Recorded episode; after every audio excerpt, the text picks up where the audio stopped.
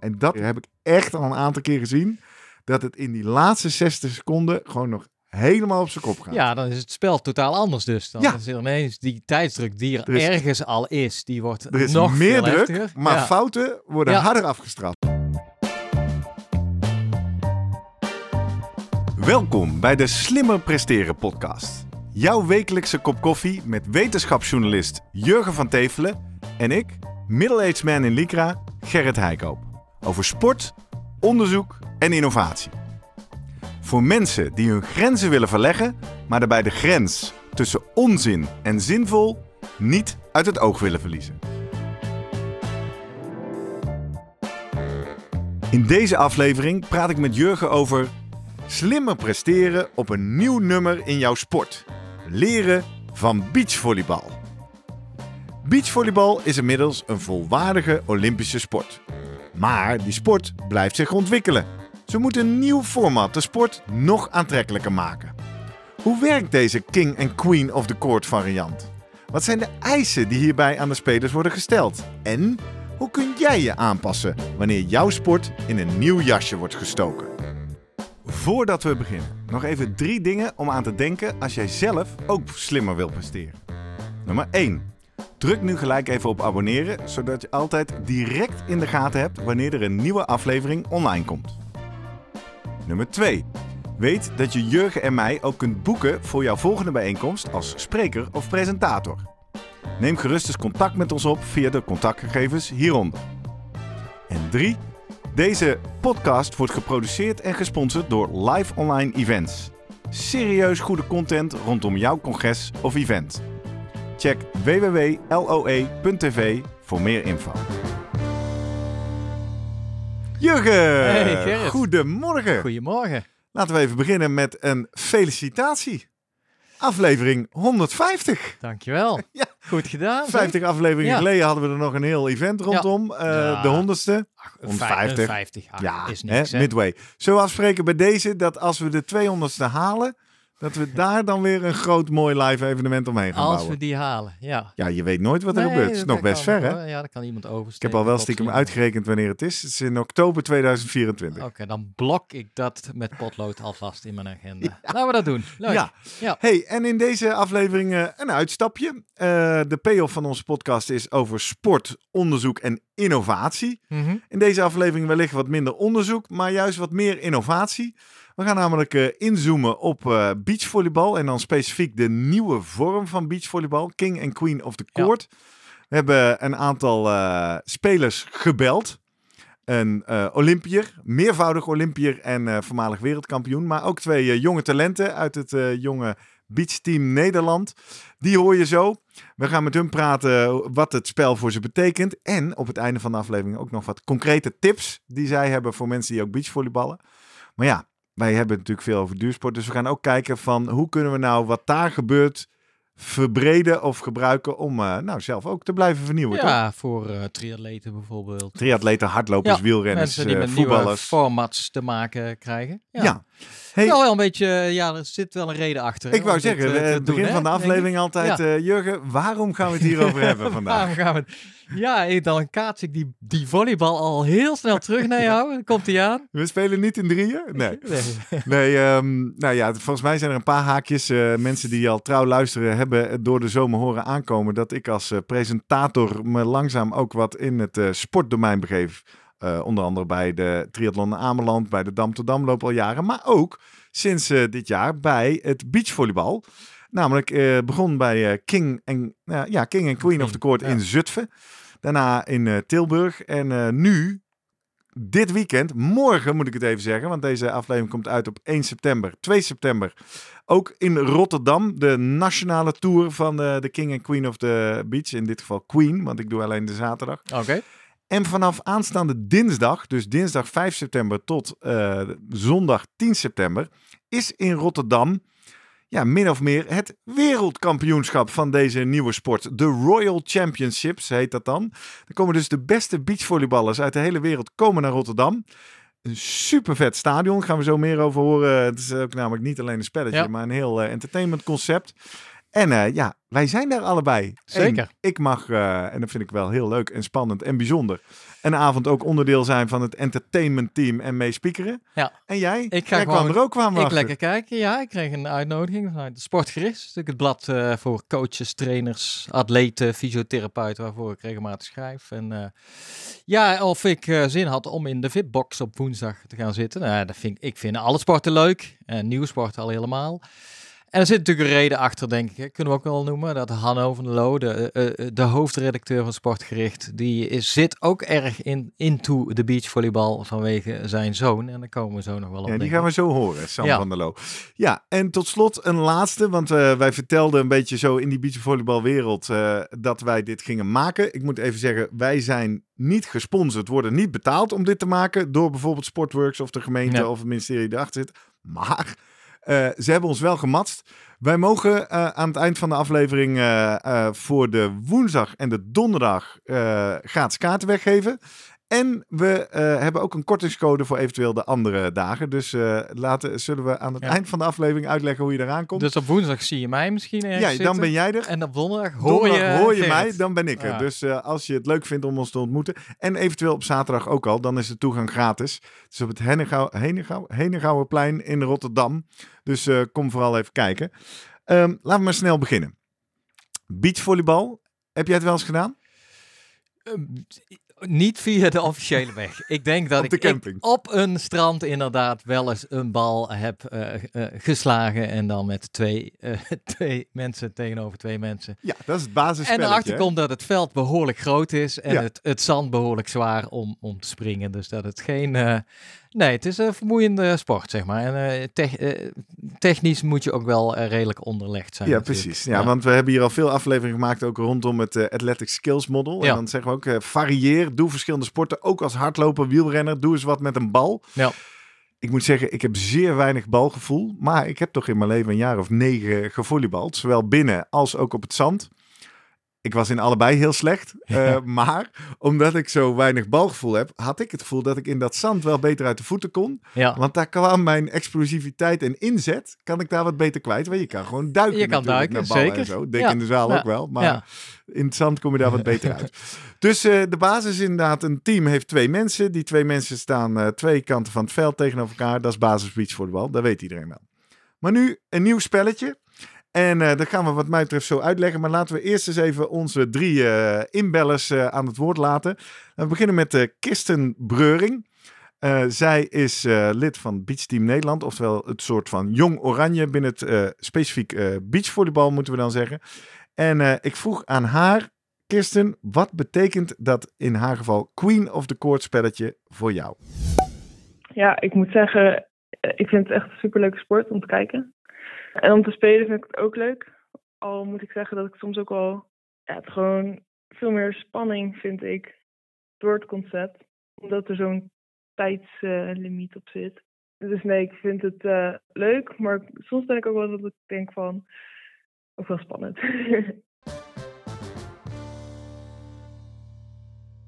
Ja, daar horen we dus al een paar elementen. De klok Ja. is heel belangrijk. Hou dat vast. Het is heel spannend. En leuk, Kirsten zie ik zaterdag, wat dus morgen is als dit uitkomt, ook. eh, want zij doet mee in de nationale series nog van eh, Queen of the Court. Doet niet mee aan de Royal Championships, maar misschien komt ze wel kijken. Eh, was dit jaar derde op het Nederlands kampioenschap beachvolleybal, eerder dit jaar in Den Haag. Weet je wie ik ook gebeld heb? Ik zit natuurlijk een beetje via via in het netwerk. Ehm, Alexander Brouwer. Aha. Zegt die naam jou ja, wat? Die, zijn, die, die, eh, die ken ik nog wel. Volgens mij brons en eh Ja, hij is, Rio eh, moeten we zeggen, meervoudig. Ja. Hè? Hij stond eh, met eh, Robert Meeuwse op de Olympische Spelen in Rio de Janeiro en ook in Tokio. In eh, Rio pakte zij brons. En eh, bijna helemaal aan het begin van hun beachcarrière, want hij komt oorspronkelijk uit de zaal ook.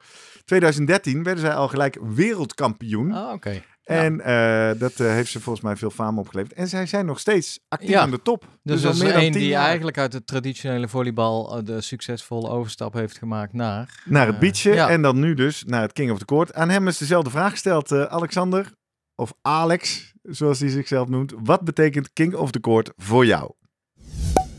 aan de ene kant is het soms fijn, want je hoeft juist niet heel erg tactisch bezig te zijn. Want je weet eigenlijk helemaal niet welke tegenstander je tegenover je hebt uh, staan. Dat is, elk punt is dat namelijk weer een andere tegenstander. Mhm. Dus je hebt niet een uitgebreid tactisch plan van tevoren. Nou, dat, dat vind ik over het algemeen wel lekker spelen. Want je focust je gewoon op jezelf. Je denkt niet aan de tactische analyse of de videobespreking die je van tevoren hebt gedaan. Of, eh, weet je wel. Dus dat, dat kan prettig zijn. Maar aan de andere kant, de muziek blijft keihard aanstaan. Eh, ja, eh, de rallies gaan natuurlijk achter elkaar door. Dat, ja, het is gewoon, het is anders. En eh, ik kan me ook wel, eh, ja, het is een soort tikkende tijdbom. Hè? Want je moet natuurlijk een aantal punten halen binnen een bepaalde tijd. Je ziet ook die tijd echt, eh, die klok zie je eh, langzaam aftikken natuurlijk.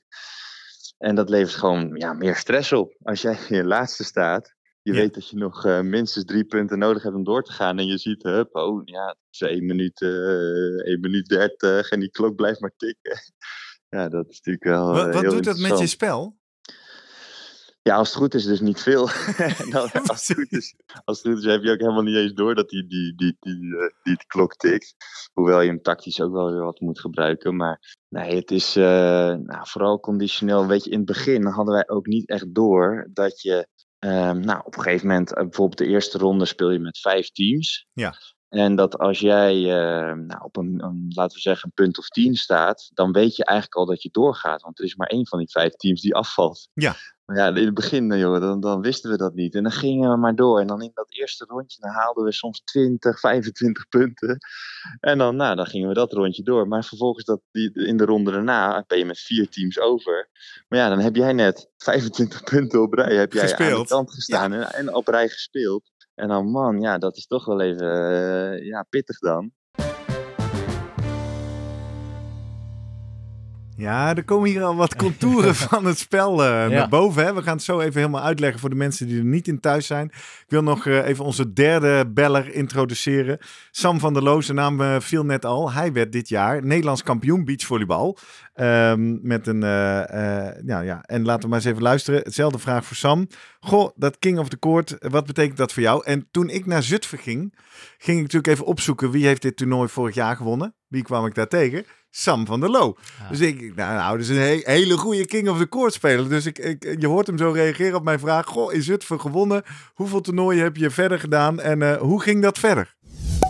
De andere toernooien zijn niet zo goed gegaan allemaal. het is best wel eh, alles of niks soms. Het is best wel chaotisch. En je krijgt soms maar weinig kansen. Dus het kan ook soms als je net één ronde niet goed speelt, kan het ook zomaar afgelopen zijn. Terwijl je het daarvoor misschien best wel goed deed. Of je speelt de hele tijd juist niet zo goed. Maar net beter dan een ander team, dus blijf je er toch in. Maar ja, die andere, andere keren waren we dan toch net niet stabiel genoeg om elke ronde hetzelfde niveau te halen. En dan eh, ja, leg je het op een gegeven moment gewoon af. Ja, dus eh, laten we nu dan maar eens even Ja, eh, schetsen wat hoor- het is. Heb jij het wel eens gezien? Ik heb in de voorbereiding heb ik wel even wat Even eh, gekeken. Ja, het is dus, ja. het, je speelt in feite op een normaal beachvolleybalveld. Net zoals je bij atletieknummers hebt, bij eh zwemmennummers hebt, bij schaatsnummers. Hebben we nu een nieuw nummer bij het beachvolleybal. Want je speelt niet met twee teams tegen elkaar, maar je speelt met vijf teams, hoorde je al zeggen. Ja. Je hebt, dat veld heeft twee helften. Een veld met zwarte lijnen en een veld met gele lijnen. En de gele lijnen, daar gaat het om, dat is de king of bij de dames de queen side. Mhm. Daar staat één team en de andere vier teams staan aan de uitdagerskant. Ja. De uitdagerskant serveert altijd. En eh, je kan alleen maar punten scoren als je aan de king of de queen side staat. En dan, dus dat is de basis. Hè? Er is maar één kant waar je punten kan scoren. Als je serveert en je maakt een punt, dan verdien je dus dat je naar de scorende kant mag. Even voor de duidelijkheid, die eh, mensen aan de andere kant, er staat één team. Ja. De andere drie staan langs de kant, klaar om Ja, ja, ja, precies. eh, Die serveren om ja. de beurt. Hè? Dus Ja. die spelen om de beurt, vaste volgorde. Ehm, verder hoor je ook die rondes. Je begint dus inderdaad met vijf teams. En zodra we beginnen, start de klok. 15 minuten. Is gewoon bruto, is netto. Wordt nooit stilgezet. Er zijn geen time-outs, zoals bij het normale beachvolleybal. Ehm, het gaat altijd door. En op het moment dat de klok op nul staat, wordt de laatste rally uitgespeeld, is een detail. Maar goed, dan wordt er gekeken wie van de vijf teams heeft op dat moment het minste aantal punten. Die gaat eruit. Ja. Spelen we ronde 2 met vier teams. Hetzelfde concept. 15 minuten, schone speeltijd. eh, nee, niet schone. eh, eh, speeltijd. Dan wordt er gekeken weer wie heeft het minste aantal punten. En dan die drie die overblijven spelen nog een keer 15 minuten of tot de maximaal 15 punten om te kijken wat de top 3 van die wedstrijd is. Ja. En daar zit dan weer een heel toernooiformat in van de, de eerste twee gaan door of de drie gaan door of Ja. nou, de, de play-offs rondes. Nog één ding over de tijd, wat het weer extra spannend maakt. Een soort extra regel. Die uitdagers moeten dus proberen die team op de King of the Queen side weg te serveren. Hè? Mhm. Dus die, die moeten moeilijk serveren, want anders als je makkelijk serveert is een punt tegen en dan Ja. geef je de punten weg. Ja. Dus een soort extra regeltje dat een foutservice pas telt als punt na drie keer. Dus dat zorgt er ook voor dat die teams moeilijk blijven serveren. Fout maakt nog niet uit. Dus je, neemt risico, je mag risico Je- nemen. dat ja, is, je eh, moet risico ja, nemen, ja. anders krijg je ze natuurlijk Ja. niet weg. Eh, pas na drie keer een foutservice achter elkaar krijgt het team aan de King of the Queen side een punt. Ja. Behalve, en daar is de klok weer, en dat is ook de mindfuck, in de laatste 60 seconden. Dan komt er ook zo'n stem Ja, door het ja. stadion, zegt de, de, de, la- hè, one minute remaining. Every serve error is a direct point to the King of the Queen side. Oftewel, dan, terwijl die tijdsdruk al toeneemt, moet je opeens wel opletten of je goed gaat serveren. Want dan kan je opeens een team. En ja, en dat moet ik zeggen, en daar hoor je die spelers ook aan refereren, heb ik echt al een aantal keer gezien. Dat het in die laatste 60 seconden gewoon nog helemaal op zijn kop gaat. Ja, dan is het spel totaal anders dus. Dan Ja. is er ineens die tijdsdruk die er, Er is- ergens al is, die wordt Er is nog meer druk, heftiger. maar Ja. fouten worden Ja. harder afgestraft. Plus je weet van de laatste minuut gaat in. En als jij op dat moment het gevoel hebt, ik heb nog niet zoveel punten. Of eh, ik moet nog wat punten sprokkelen. Nou, dan eh, komt dat erbij. Nou ja, nu snap ik ook een beetje van dus per punt een andere tegenstander. Dus wat Ja. Alexander zei van ja, van tevoren een heel tactisch plan. eh, dat kan hoogstens, dat doe je bij één tegenstander. Maar alle vijf is toch wel eh, lastig. Nee, het heeft je- geen zin en zeker niet in zo'n toernooi. Nee, hoor. Je weet, Het is je, natuurlijk je- hectiek. ja, je speelt tegen heel veel Ik kan me ook voorstellen dat zij eh, afwisselen een beetje met de service meer, terwijl je normaliter de serveerder misschien hebt. Ja, moeten ze om en om, hè? Is- of ja, Ja. vast. Ja, maar ze mogen nu zelf kiezen Ja. wie er wanneer serveert. En dan is het dan wel die derde service, eh, die, die dan, wordt die dan wat voorzichtiger wel eh, vaak genomen? Of, Ja, wacht even, moet ik goed uitleggen. Is dus de derde service van het derde team, hè? Dus ja. zeg maar, wij staan met z'n vieren aan die challenger kant. Ik serveer fout, jij bent het volgende team, dan Ja, ben jij. en dan komt het derde team. Oh, dat derde team die moet, moet- hem goed leggen. Ah. Nee, precies. Als ik, Ah, als ik fout serveer, ben, is mijn ben beurt al- voorbij. oh, nee, ja, nee, dan ben ik weg. En dan moet het ook binnen tussen twee punten volgens mij moet het ook, ja, heb je om eh, beperkte tijd hè, voor op te slaan en zo, hè? God, die, die, die- Ja, je hebt gewoon een spelklok. Ik geloof eh, dat nu gokken we, maar ik geloof acht- binnen acht seconden moet je serveren. Dat is in het eh, normale beachvolleybal ook naar de fluit. Wat er ook leuk aan is, er zijn dus geen time-outs. Maar er is ook geen tijd om te gaan zeuren met de scheids. Nee, Los van dat de scheids je ook niet kan verstaan. Want wat Ja. Alexander ook zei, Ja. zei net, het is ook een entertainmentconcept. Er is gewoon de hele tijd eh, pompende feestmuziek. Dus die scheids hoort toch niet wat je zegt. Ja. Maar het heeft ook geen zin, want het is eh, puur tijdverlies. Want je moet gewoon spelen, zorgen dat je aan de bal komt. En zorgen dat je aan die kingside komt. Eén eh, ding nog. Wie bepaalt eh, de volgorde in het begin? Ja, dat is heel leuk. Dat is eh, loting. Dat doen we met, zeg ik al, ja. Ik sta Want dat is hartstikke belangrijk, denk ik. Als jij aan Ja. de kingside begint, lekker. Lekker Ja, begin. Zeker, dus lekker beginnen. Dus wat er gebeurt is, er zijn vijf speelkaarten. Aas, koning, koningin, Ah, boer, Oké, tien. ja. En je raadt het al, als we King of the Court spelen, is degene die de koning trekt, die mag daar beginnen. Ah. Bij de dames is Ja. degene die de dame trekt. En dan vervolgens de aas is de eerste serveerder en Ja. zo verder. Zo wordt die startvolgorde bepaald in de eerste ronde. En dan vervolgens in de tweede en de derde ronde wordt het bepaald aan de hand van het eh, puntenstand eh, van de ronde ervoor. Dus Ja, als jij in Dus de eerste ronde de meeste punten Ja. hebt, kom je aan de andere kant Dus het is wel gunstig om meteen al eh, de eerste ronde toch wel eh, goed te scoren. Want dan Ja, ik denk vooral de mentaal. Ja. Want ik moet zeggen, als ik zo kijk naar die toernooien waar ik heb gestaan, uiteindelijk zijn ze toch ook weer zo weer weg. Maar je, het is waar, je, je komt een soort van gratis in scorende positie. Ja. Want ik heb ook wel teams gezien. Als op een gegeven moment gewoon een terke- sterke team op de Queen of the King side staat en je komt de serveren Ja. niet doorheen, ja, dan lukt het gewoon niet om daar te komen.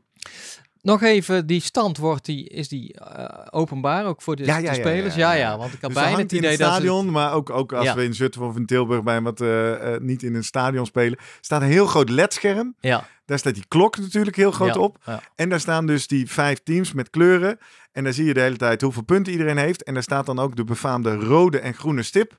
De groene stip staat bij het team met de meeste punten. Ja. De rode stip bij het team wat op dit moment eruit zou gaan. Ja. Want Op dat en nou, nu gaan we heel diep in de regels. Ehm, stel nou, er zijn teams die hebben hetzelfde aantal punten. Dan wordt er gekeken naar welk team de longest stay heeft. Ah, Oftewel, wie het, de langste Ja. serie van punten eigenlijk. Ja. Hoeveel punten je achter elkaar op die king of die queen side hebt gemaakt. Zou dat in theorie nou ook gelijk Ja. zijn? Dan wordt er nog gekeken naar wie als eerste die reeks op het bord heeft gezet. Ah ja. En zo is er dus altijd wel een rode stip te bepalen. Ja. Nou ja, in het begin niet. Als er nog eh, twee teams nul hebben, dan staat er nog geen rode stip. Want dan, dan weet je het nog niet. Ja. Dus, eh, nou ja, spectaculair. En, en daar dus dan bij opgeteld. En dat is zeker komende week in Rotterdam ook zo. Het is wel leuk, een beetje de origine. Deze sport, nou niet deze sport, maar in ieder geval dit concept komt uit Nederland. Hè? Dit gaat op dit moment de hele wereld door. Ze zijn op weg om te kijken of dit op de Olymp- Olympische Spelen in 28 kan komen. Maar het is een Nederlands bureau ja. wat dit heeft opgepakt en Ik aan het uitbouwen is. Corona had ermee te maken. toch? Corona had ermee Ja. te maken, ja zeker. Want eh, ik weet nog goed, het was in 2020. Was in de zomer. Was net dat er wat dingen mocht. Maar geloof ik met bubbels en eh, acht of tien mensen van dezelfde gezin. Dus zij hebben een stadionconcept ontwikkeld. Waarin ze eigenlijk van stijgerbouw vier lagen. En dat is wat de komende week ook in Rotterdam staat. Vier lagen rondom VIP-boxen. Dus je moet voorstellen, in corona was dat natuurlijk het enige wat mocht. Dus iedereen zit in de VIP-box. Ja. Super tof. Ja. Iedereen, want jij zei net al vertrots. Ja, ik Ja. zit woensdag in de VIP-box. Ja, iedereen zit in de Ik VIP-box. zit in de echte Ja, fitbox. ja, precies. eh. Nuance is, nu in Rotterdam hebben ze drie zijdes VIP-boxen. eh, vier hoog, hè? Dus Ja. dat is echt een Ah, arena. Ja. En ze hebben nu in Rotterdam, om toch extra mensen toe te laten, nog aan één kant een soort grote tribune. Waar je ook kan zitten. Maar dat maakt het dus ook dat het, dat het behoorlijk intiem is. En het is natuurlijk heel leuk als je met je vrienden of met je bedrijf of wie dan ook zo'n box hebt, dat je met elkaar zit. En ehm, dat was toen al in corona. Ik moet zeggen dat ik niet zeker weet of dit in Rotterdam zo is. Maar in, in corona in 2020 mocht je niet verplaatsen. Ja. Dus de catering kwam naar jou toe. Oh ja. Snap je? Ja. Dus iedereen moest gewoon in zijn box blijven en daar werd je geketerd. Ja, dat is gewoon, los van coronamaatregelen, is gewoon super tof. Ja, Weet je wel? Je ja. voelt je gewoon een VIP. Ja, leuk, Daarnaast wordt het heel eh, leuk in beeld gebracht. Dus het is ook goed te volgen op livestreams en op tv. En ehm, ja, er is dus heel veel muziek. Entertainment tussendoor, artiesten, eh En knallen. die rol van die speaker dan? Want als het toch continu muziek is, wat moet jij eigenlijk doen? Tussen de Eh, wedstrijden door de, sp- de teams aankondigen, Ja, het spel Ja. uitleggen, eh, uitduiden waarom en wanneer het spannend wordt. maar je hoeft niet eh, na Een beetje helpen kijken, zeg maar. een hè? goed shot te zeggen, "Oh, dat was een goed shot van Alexander Brouwer. Nee. Nou, er zijn speakers die dat kunnen, Ah. maar ik heb daar wat minder Oh, technisch oké. oog voor. Ja, Ja, ja. Nou, er is een heel team die dat doet natuurlijk. Het- Even voordat we weer naar Sam en Kirsten en Alex gaan luisteren over nou ja, wat zij nog verder aan tips en tricks en, en observaties hebben. Even iets verbreden naar onze hardlopende, wielrennende, zwemmende ja, eh, luisteraars. eigenlijk continu, als je nadenkt over nieuwe, Nieuwe formats. nummers, Ja, ja. Ik, eh, WK Atletiek laatst, hè, die gemengde estafette bijvoorbeeld. Oh ja. Nou, dat, zie je nu in elke sport, toch? Ja. Bij de triathlon, de mixed Zwemmen ook. team relay, Klopt, ja. de zwemmen. eh, ja. Triathlon, nou ja, goed. eh, ik vind een cross triathlon vind ik al een, eh, een beetje een, een zijpad voor mij in ieder geval. ja, dat is dat je niet de op de weg fietst, maar op de mountainbike. nee, maar dat kennen we al lang. Ja. Maar de, de run, swim, run, swim, run, dat je dat soort dingen doet. Ja. Jij, volgens mij, heb jij wel eens een keer zo'n Dubbele supersprints heb je inderdaad. Dat je dus zwemt, fiets, loopt en dan weer zwemt, Ja. fiets, loopt. Maar Ja. dan allemaal hele korte afstanden. Ja. Dat zijn eh, nieuwe nummers. Ja. Nou, ik, eh, er was een, ik moest even denken, de moderne vijfkamp. Daar Ja. was een hele discussie over. Dat is een heel oud nummer met hele gekke nummers. Hè? Schermen, hardlopen, zwemmen. En dan, ik heb ze even opgeschreven, want ja, ook iets met een paard, toch? ja, eh, eh, pistoolschieten. ja. En iets met een paard. Alleen dat iets met een paard is, gaat verdwijnen. Want er was de laatste keer ging dat helemaal mis met zo'n Duitse eh, Amazone.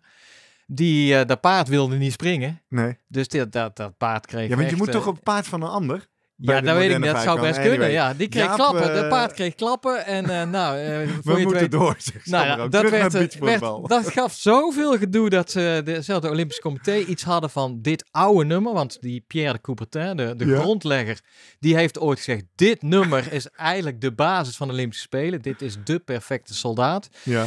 En eh, nu hebben ze toch besloten om het paardrijden pistoolschieten blijft wel, maar paardrijden in te ruilen en dan komt hij voor obstacle run. Ah, dus eigenlijk zonder paard modern. nog steeds over obstakels Ja, heen. ja. Maar dit, eh, dus ik bedoel, eh, evolutie van sport, ja, ontwikkeling. precies. En in zijn algemeenheid zie je natuurlijk dat er nu veel meer, ook in de sport en ook in de kijksport en in de tv-sport, naar snellere, Ja. dynamischere nummers wordt gegaan. Op de Entertainment Olympische is Spelen, natuurlijk eh, belangrijk. skateboarden, bordercross op de winterspelen is erbij gekomen, skicross, weet ik het allemaal. Ja. Dat zien we nu dus ook in beachvolleybal. Probeer Ja. ik hem weer terug te brengen. dus niet twee teams, maar vijf teams. Is bijvoorbeeld in een internationale context heel leuk. Want dan kun je dus ook supporters uit vijf landen binden. Eh, leuk feitje, werd mij nog toegefluisterd. Normaal bij het beachvolleybal, eh, bij de reguliere internationale wedstrijden, moet je met een partner uit je eigen land spelen. Dat hoeft bij King en Queen of Ah. the Court niet. Ja. Dus je kan daar eh, ook eh, hele bijzondere gelegenheidsformaties krijgen. Maar in de basis zie je het vaak wel. Want het zijn vaak toch vaste eh, duo's, Ja, ja, denk tuurlijk. ik. Hè? Nou ja, dat helpt wel. Ja. Want een van de dingen, door de muziek kan je bijvoorbeeld moeilijk met elkaar communiceren. Dus het is te hopen dat je goed op elkaar ingespeeld bent. Ja. Ehm, wat ik leuk vind als duursporter bij dit beachvolleybal is dat ik, nou, dat geren onder dat net door de hele tijd. Daar komt het element conditie nog meer. Ik bedoel, dat is natuurlijk al meer op het zand dan in de zaal wellicht. Maar Ja. nu komt er nog meer conditie bij kijken. Dus ik vroeg Alexander Brouwer ook eens even, wat, wat is eigenlijk het effect van vermoeidheid op beachvolleybalspel? Ja, dat is, eh, die, die, die impact is, is behoorlijk groot. Als je echt bijvoorbeeld buiten adem een rally begint. Ja. Dat is eh, nou alleen al voor je. Kijk, eh, en een, een, een tactisch spel. Het, heel, de, de technieken komen best wel nauw. ja, dat, dat, dat, dat is ontzettend in je nadeel. Dat zie je ook in, als we in orde spelen, waar het. Ja, gewoon echt wel behoorlijk eh, heftige omstandigheden zijn. Zoals een keertje in Rome op een toernooi waarin we op Foro Italico in een soort, nou dat leek wel een soort gladiator eh, pit, weet je wel, een Ja. soort oven. Ja. Geen zuchtje wind, knijtertje warm. En je zag iedereen in diep zand. En dat wil zeggen heel zwaar zand. Ja. Dus waarin het als stroop voelt, weet je wel. Zoals de leek wel eens door de duinen strompel. Nou, zo zag het beachvolleybal er ook een beetje uit. Ja, dat, alleen, eh, wat ik altijd maar zeg, het, het fijne is dat je weet dat Ehm, joh, je hebt zelf de basis al gelegd in je conditiewerk en in je training, ja, trainingsarbeid. En, en de omstandigheden zijn voor je tegenstanders hetzelfde. Ja, Dus precies. eh, ja. Maar dan heb je het weer over, over specifieke, eh, het, het normale beachvolleybal, zeg maar. Heb, je- heb Ja. je het idee dat, dat, dat je slechter wil... Ja, ik kan hem invullen, maar ik, ik moet het aan de ervaringsdeskundige vragen. Wil, ga je slechter spelen? Wordt je techniek minder als je moe bent? Of zeg je nou, wij zijn zo getraind, daar hebben we niet zo last van? Eh, nou, ik denk dat de reden dat er bij King and Queen of the Court bijvoorbeeld langere rallies zijn, dat dat komt omdat je eh, deels inderdaad meer vermoeid bent of meer vermoeid raakt door het format. Ehm, en dan inderdaad de omstandigheden daar nog bij, zoals die, wat ik zei, die muziek die doorloopt of eh, de klok die je zo eh, duidelijk af ziet tikken, de stress die daar weer bij komt kijken. Ja, het zijn allemaal factoren die en zeker je, je spel beïnvloeden. Ja, ik hoor hier ook vermoeidheid als nieuw element. Ik denk ook Ja. wellicht aan de beachvolleyballers die deze podcast voor het eerst luisteren. Ga eens op zoek naar eh, afleveringen die we hebben gemaakt over hitte. Ja. Of over drinken. Of over voeding. En over twee weken hè, komt er weer een aflevering. Hebben we een leuke gast. Gaan we het ook weer hebben over eh, je koortemperatuur, hitte. over hitte. Ja, En eh, ja. wat je daarmee moet doen. Ja, eigenlijk is het gewoon pacen, dit eigenlijk. Zoals Ja. het, we kennen natuurlijk als jij een marathon gaat lopen of een triathlon of noem maar op. Hoe verdeel je je energie? En in dit geval heb je ook een potje met energie als eh, een beachvolleyballer. En dat moet je dus verdelen over, eh, ja, in ieder geval de eerste 15 minuten. Maar daarna, eh, ja, nog, komt er nog twee rondes van 15 Ja, precies. minuten. Maar dat is dus wat ik leuk vind om te zien. Ja. En ik heb het idee dat ik dat nog niet zie. Dus dat heb Ah, ik aan onze drie bellers voorgelegd. Van, is nou dat conditie, is Ja. dat nou een tactisch wapen? En hoe gebruik jij dat? Laten we eerst maar even luisteren naar Sam van der Loo. Nou ja, het is wel erg conditioneel. Alleen dat is eigenlijk vooral als je het, als je het heel goed doet. Dus als je, dus als je aan de. nou ja, kijk, want als je aan de eh kingside komt en je doet het daar goed, dus je blijft punten maken, dan moet je heel snel achter elkaar moet je weer het volgende punt spelen. Maar als je het niet zo goed doet en je verliest, dan moet je weer achteraan een rijtje sluiten. En dan zijn er eerst nog weer twee, drie, vier teams voor je, voordat je weer het volgende punt mag spelen. Dus eh, ja, dat kan wel verschillen. En nou is het ook zo dat je soms heb je de eerste ronde, als er nog vijf teams in het spel zijn, dan heb je al best wel wat punten gescoord. En er zijn dan teams die uh, nog meer punten willen scoren en het zo goed mogelijk willen doen. Alleen je hebt ook teams die denken, oh nou, we staan wel veilig. We doen het nu even rustig aan, dus we hoeven niet per se meer aan die kingside te staan. Dus we, we geven de bal gewoon even weg of uh, we doen in ieder geval niet zo erg ons best meer. En dan uh, gaan ze de volgende ronde, als er iemand anders is afgevallen, gaan ze weer volle bak erop. Ik denk in de eerste twee rondes niet. Want dan ben je gewoon nog met vier, vijf teams. Dus dan herstel je wel weer snel genoeg. Maar die laatste ronde ben je maar met drie teams. En dan kan het wel snel gaan. Maar ligt er ook aan hoe snel het doordraait. En bijvoorbeeld toen in Tilburg was het heel warm. Dus ja, dan, dat kost natuurlijk al meer energie. Ja, dus uh, herkent het wel. Aan de andere kant, in het begin ja. sta je dus ook best wel veel te wachten, herstel je. Klinkt als een negative split eigenlijk, wat zij hebben. Precies. Ja, je, je, bedoelt dus eigenlijk dat je in de tweede helft van de wedstrijd harder moet dan in de eerste. Precies. Ja, zeker. Ja, zeker negative split. Um, ik leg de Kirsten nog even voor. Als jij dit nou zo zegt, waarom zie ik dit dan zo weinig? Nou ja, het is natuurlijk ook zo dat omdat alles nog kan gebeuren, het is ook gewoon heel fijn om, om, veilig te staan en om die meeste punten te hebben, dat je die ronde erna als eerste aan de Queen of Kings kant staat, om weer dat voordeel te halen. Dus het heeft ook wel weer zijn voordeel om de meeste punten te hebben. Ja, en uh, ja, dat is dus het dilemma. Ja. En dat, dat kennen wij natuurlijk wat minder. Dat is natuurlijk bij een bal en een wedstrijdsport is dat anders dan bij een race. Ja, je zou zeggen dat op een gegeven moment, als al die data verzameld worden, want dat zal wel, op een gegeven moment toch een bepaald scenario als meest optimale naar voren komt. Hè, waarbij je dan, maar dan moet je er ook nog maar in staat zijn om daarop te schakelen. Nee, zeker. Ik heb natuurlijk uh, Alex uh, het ook nog even gevraagd. Is die conditie nou een tactisch wapen? Ja, dat, ik, ik denk um, dat sowieso veel spelers daar nog niet echt op een tactische manier mee, uh, mee omgaan. En je hebt stiekem ook altijd nog weer, um, bijvoorbeeld de longest stay wordt dat genoemd. Ja. Dat je een prijs krijgt voor als je juist weer de langste serie aan punten weet te maken aan die uh, Kings kant als het ware. Aan Ja. de, de kant waar je de service ontvangt. Ja, dus hè, dilemma's, dilemma's, dilemma's. Ik heb, eh, ik heb zo nog van alle drie nog even een afsluitende tip. Ik wil nog heel even eh, een fragment laten horen waarin ik, ehm, hè, als we het nou koppelen aan andere afleveringen die wij gemaakt hebben over differentieel leren, differente prikkels. Jij riep meteen in onze voorbespreking, toen we het hierover gingen hebben, hey, worden ze door deze nieuwe variant dan ook betere reguliere beachvolleyballers? Zou je vanuit de wetenschappelijke theorie Ja, denken, hè? Ja. Nou, dat heb ik ze eens even voorgelegd. De antwoorden zijn wat wisselend. We beginnen even met Kirsten.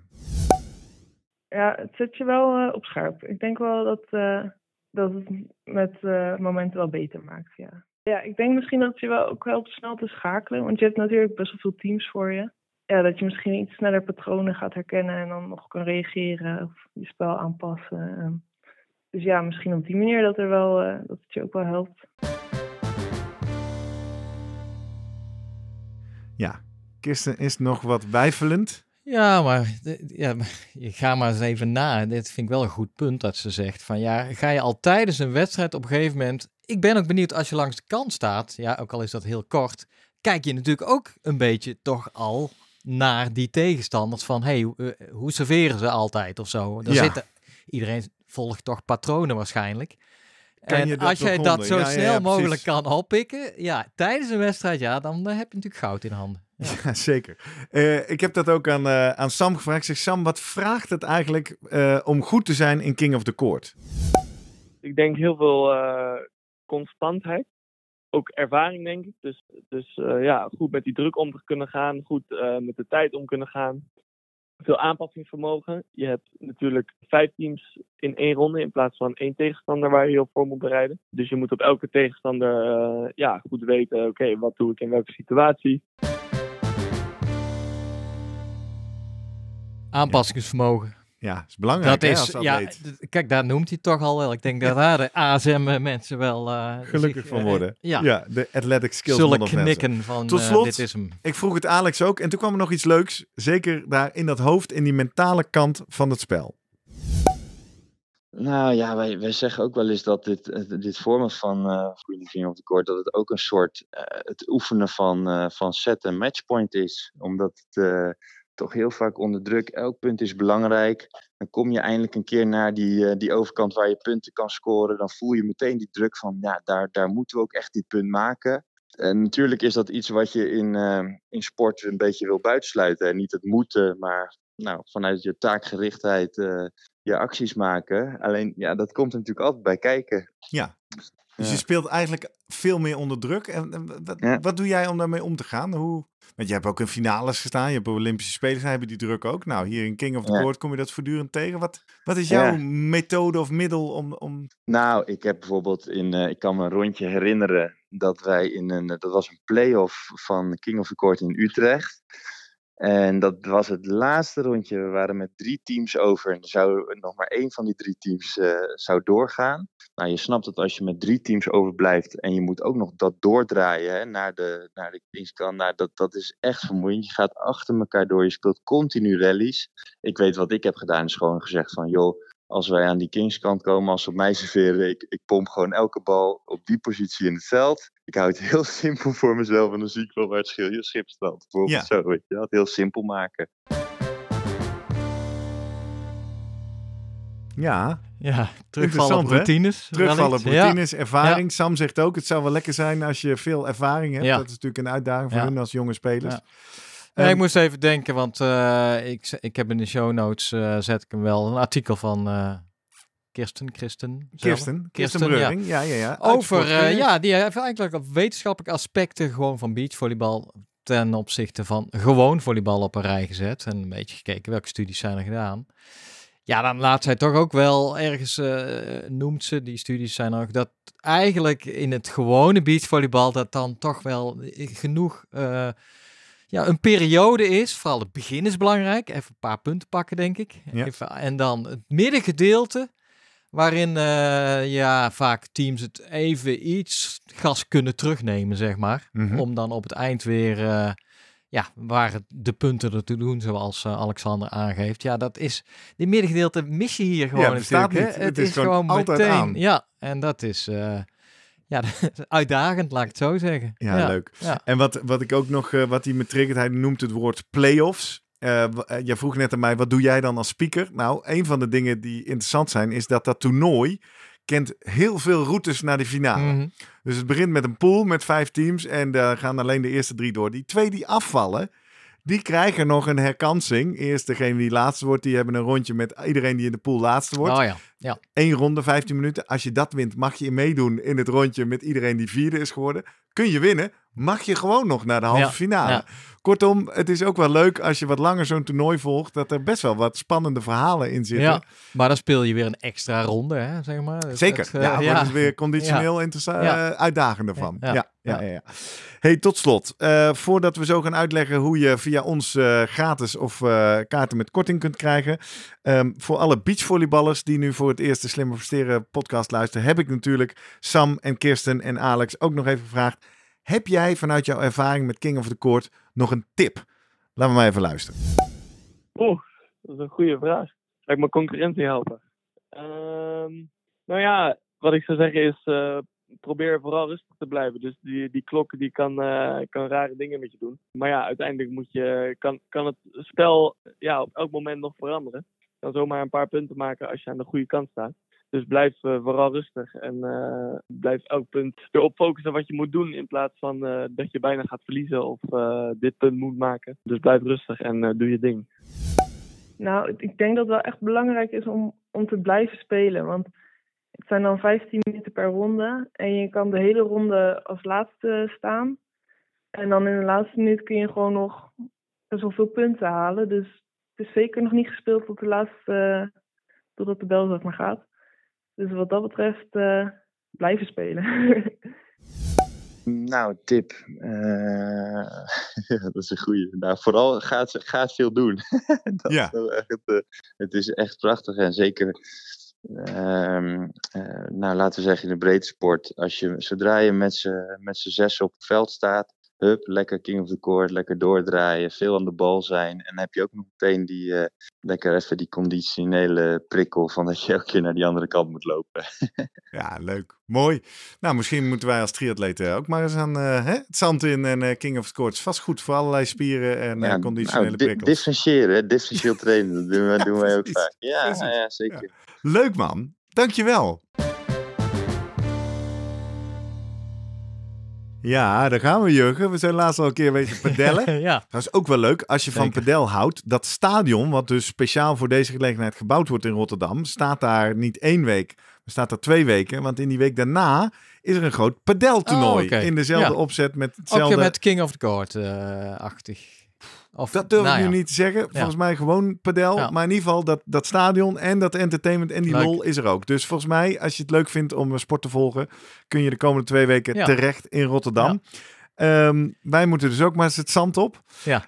Dit eh, gesprek met Alexander Brouwer duurde in totaal een half uur. En in het begin heb ik hem ook veel gevraagd over hoe trainen jullie? Hoe is jullie training veranderd?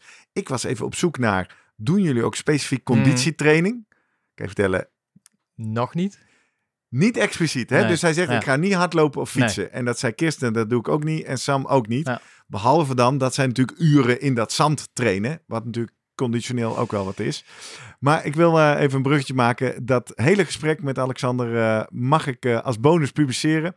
Dus abonneer je op de Slimmer Presteren podcast. Dan zie je vanzelf dit weekend ook die bonus komen. En dan kun je, als je het interessant en leuk vindt, nog dat hele gesprek even luisteren. Ehm, ja, wat denk jij? Gaan wij een keer een bal pakken? Ik, dat gaan we zeker doen. Moet hè? Ja. Door het zand rennen, Ja. springen, draaien. Tegenover elkaar of eh, met elkaar dan? Mooi koppel, denk ik. Ja, misschien moeten we een leuk toernooitje maken Ja. met eh, vrienden van de show. Nu, eh, nu we natuurlijk onze WhatsApp community groepen hebben, werkt dat wel. Mensen die nu voor het eerst luisteren, deze Slimmer Presteren podcast is vrijwel geheel advertentievrij, voorlopig nog. Er zit wel een ideetje aan om iets mee te kunnen. Daarom wilde ik die naam opzoeken. Jeffrey Klok van Tijd voor Volleybal. Ik vreet me nu natuurlijk een beetje in in die volleybalwereld, dus ik vond ook een volleybalpodcast. Jeffrey en een heel team daaromheen doen dat hartstikke leuk. Daar hoorde ik een ideetje. Zij hebben de balsponsor. Oké. Toen dacht ik, hé, hey, dat is best wel laagdrempelig. Gewoon even genoemd worden, 30 seconden pitch. Wij hebben Moet- geen bal hier. eh. Wij doen niks met nee. ballen, maar zullen we eens kijken of we een eh, koffiesponsor of zo kunnen vinden? hè? Nou, We zijn toch lijkt jouw ja. wekelijkse kop koffie. Heel belangrijk. Tot die tijd moeten we het hebben van eh, mensen die zeggen, nou, ik vind deze podcast zo leuk. Weet je wat? Ik doneer. Ik word vriend van de show via vriendvandeshow.nl slash slimmerpodcast. En eh, in de zomer zijn een hoop mensen dat eh, gaan doen. Dus ja, dit is voor bijna niemand leuk. Behalve als je je eigen naam hoort of je hoort de naam van iemand die je kent. Bijvoorbeeld als jij Jessica Jager bent, die vriendin van de show werd. Of Linda Zenger van Schuppen. Sander Holteman. Lennart Koop. Bas Pater. Margot zonder achternaam. Anne Satsa. Die werden allemaal vriend van de show. En die kozen dus voor om ons eh, eh, één kopje koffie per maand te doneren. En zoals we dan altijd zeggen, liever nog, doe maar gelijk 11 kopjes per jaar. Betalen wij één keer transactiekosten en krijg jij een maand gratis. En op buis deed het ook Ronja. Oh, dat is Ronja Smit uit Delft, denk ik. Want die heeft net een Slimmer Presteren podcast shirt opgestuurd. Eh, Warner werd vriend van de show. Henrike werd het ook. Joost Vroonhof, Monique en Robert N. Nou, als jij dus ook een keer genoemd wil worden in de podcast en je aan wil sluiten bij dit eh, leger vrienden van de show, ga naar vriendvandeshow.nl slash slimmerpodcast. Goed, Jurgen. Woensdag. Nee, eerst morgen, zaterdag 1 september, ga ik voor het eerst naar Rotterdam. Gaan we het stadion nog een beetje proefdraaien. Eh, dit weekend zijn daar dus de zogenaamde nationale series King en Queen of the Court. Daar spelen voornamelijk Nederlandse teams. Er zijn ook altijd wel wat internationale gastteams. En daar kan nog het laatste slot gewonnen worden. De winnaar van dit weekend mag nog Oh, mee gaan doen aan de Royal Championships Ah, vanaf Ja. dinsdag. Dus Ja. dat is leuk. Vanaf dinsdag gaat het gebeuren in Rotterdam, eh, zowel op het Hennegouwenplein stadion als op vier verschillende plekken in de stad op het zand. eh, zogenaamde sidecourts, want het is natuurlijk een heel groot toernooi. Die sidecourts, daar kun je gratis komen kijken. Eh, voor het hoofdstadion betaal je entree. Tenzij, en hier is de eerste pitch. Als je op woensdag of donderdag wil komen kijken en je hebt deze podcast gehoord, stuur dan even een mail naar post@slimmerpodcast.nl. Dan eh, krijg je van ons een instructie hoe jij gratis op dinsdag of woensdag, oftewel, eh, nee, woensdag of donderdag hebben we het over. Ja. Dus 6 of 7 september het stadion in kan komen. Ehm post@slimmerpodcast.nl. eh, mail even naar ons. Wil je nou op de vrijdag, de zaterdag of de zondag, waar het natuurlijk spectaculairder wordt, dan kun je zelf al kaarten of een hele box bestellen op kingofthecourt.com. En je kan ons ook even mailen, dan sturen we je een kortingscode. Dus uh, vind je het leuk om te komen kijken uh, en ons tegen te komen, stuur even een mail. post.slimmerpodcast.nl En dit is dan wel een cadeautje van Sportworks. Hè? Ik bedoel, uh, ze geven ons geen geld om dit te maken, maar ze hebben dan wel deze actie beschikbaar gesteld. Dus ik hoop dat we een hoop vrienden en ja, luisteraars van de Slimmer Presteren podcast gaan zien. Doe je shirt aan, zou ik zeggen. ja, als je hem hebt. Of je buff. Of je buff. Als je hem nog niet hebt, dan service naar slimmerpodcast.nl slash webshop. En bestel daar um, een sportshirt, een mok, een prachtig boek van Jurgen van Tevelen, het Maakbare Uur. Andere boeken die wij uh, aanraden en uh, lezen. En als je dus vriend van de show geworden bent, dan krijg je ook nog 25% korting op die webshop best wel. Ik denk dat we rond zijn, hè? Ja. We gaan uh, het zand tussen onze tenen uitspoelen en we gaan ons opmaken voor een mooi spektakel in Rotterdam. Beachvolleybal, een uitstapje deze week. Ga je nog zelf wat sporten dit weekend of niet? Ik sta zondag aan de start in Amersfoort bij de Keistad Triathlon. Oh, ja. Dus het is een heftig weekend. Zaterdag ja. spiekeren, zondag zelf racen en dan maandag weer voorbereiden op uh, de rest van de week. Oké. Okay. Dus, ik, uh, sta in, uh, ik ben te zien in de Amsterdamse grachten. Als. Ja, jij gaat zwemmen voor ALS. ALS Kunnen we jou nog sponsoren? Jazeker. Hoe vinden we die sponsorpagina? Ehm, Show notes? Show notes doe ik. Even ja. onder LinkedIn deze aflevering staat een linkje en daar kunnen we jou nog even wat geld doneren. Zou leuk zijn. Mooi. Leuk. Hoe ver ga je zwemmen? 2,3. Oh. Ja, maar ik mag een pak aan. Oh. Dus, uh... Wel te doen, toch? Ja. Ja, mooi. Leuk. Lekker. Nou, uh, laat ons vooral weten wat jij gaat doen. Uh, laat ons weten of je komt kijken bij King of the Court. Of dat je ook bij de ALS fan bent of bij de Kijkstad. Dat kan op een aantal manieren. Ik ga het nog één keer uitleggen. Wij zijn te vinden als de Slimmer Podcast op Instagram. Officieel staan we ook nog op voormalig Twitter oh ja. X. X. Blijven we daar, Jurgen? Ik moet zeggen, ik doe er zelf weinig mee. Ja. Maar uh, nou ja, we posten daar iedere week uh, toch wel netjes onze aflevering. Wat wel, uh, we, ook op LinkedIn zijn we te vinden, Slimmer Presteren Podcast. Iedere vrijdag maken we daar een post van de nieuwe aflevering. Dus als je ons daar gaat volgen, weet je altijd waar de aflevering van deze week weer over gaat. Je kan ons daar ook DM'en met vragen, suggesties en reacties. En je kan natuurlijk hartjes en duimpjes uitdelen. Je kan ons ook mailen. Ik heb het uh, mailadres net al een aantal keer genoemd. Met jouw vragen, met jouw aanvullingen, met jouw shout-outs, met jouw evenementen waar je naartoe gaat via post.slimmerpodcast.nl. En dan altijd weer de disclaimer. Ik, ik heb dus de afgelopen vakantie wat mails zitten opruimen. Ik kwam dus ergens in augustus een mail tegen uit april van Matthew. Maar goed, uiteindelijk... Uiteindelijk geantwoord, toch? We ja. lezen altijd en we zorgen uiteindelijk ook dat er wel een antwoord komt. Ja. En uh, urgente zaken, die, uh, die krijgen soms wat voorrang. En nog even, ik zat te denken, we hebben natuurlijk de, de Strava Club. Ja. Dat is voor de beachvolleybal, daar wordt weinig gestrava, denk ik. Hè? Nee, of, nou uh... dat is wel leuk. In het gesprek met Alex Brouwer heb ik het wel over data en Strava. En nou, hij heeft er zelf weinig mee. Ja. Ik geloof dat zijn vriendin zit wel op Strava, want dat is een trailrunner. Dus hopelijk luistert hij vanaf Ah. nu ook naar de podcast. Leuk feitje trouwens. Kirsten, die is afgestudeerd bewegingswetenschappen in Amsterdam. Weet je wat zij zei? Oh nee, maar ik ken jullie podcast wel. Die luisteren wij wel als uh, ja. studenten bewegingswetenschappen. Dus uh, dat was weer een leuk rondje. Ja. Volgens mij zijn we rond. Ik moet nog even zeggen dat je een webpagina van iedere aflevering vindt op uh, www.slimmerpodcast.nl. Kan je dus ook uh, de aflevering, uh, de pagina van deze aflevering pakken en dan door WhatsAppen naar mensen.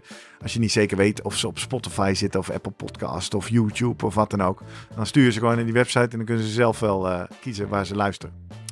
Tot zover. Volgende week gaan we het hebben over een voedingssupplement. Zeker, kersen. Wat we zien Kersensap. in de topsport. Ja. Tour de France renners zaten aan paarse goedjes. Jij hebt dus uitgezocht uh, wat is het en uh, is het zinvol of onzin? Ik Dat neem een uh, week. flesje voor je mee, ja? Heel goed. Jurgen, tot volgende week. Jo, tot volgende week. Hoi.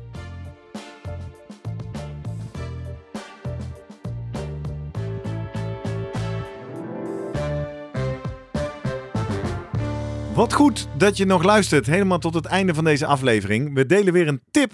En omdat we al meer dan 150 afleveringen hebben, nemen we een tip naar een oude aflevering. Uiteraard gebaseerd op de wetenschap om slimmer te presteren in jouw sporten. Inspiratie uit de fysiologie, psychologie, voedingsleer en nog veel meer.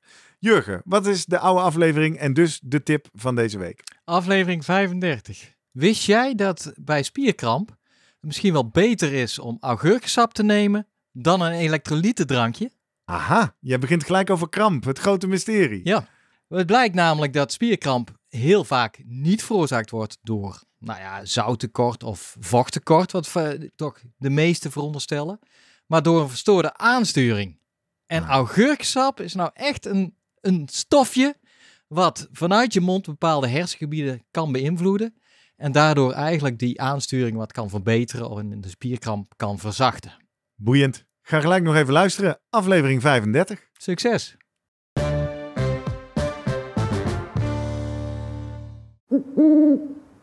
Hey, pst. Voordat je weggaat, denk er nog even aan uilentorenloop.nl. Dan zien we je de eerste zaterdag van juni. Tot dan!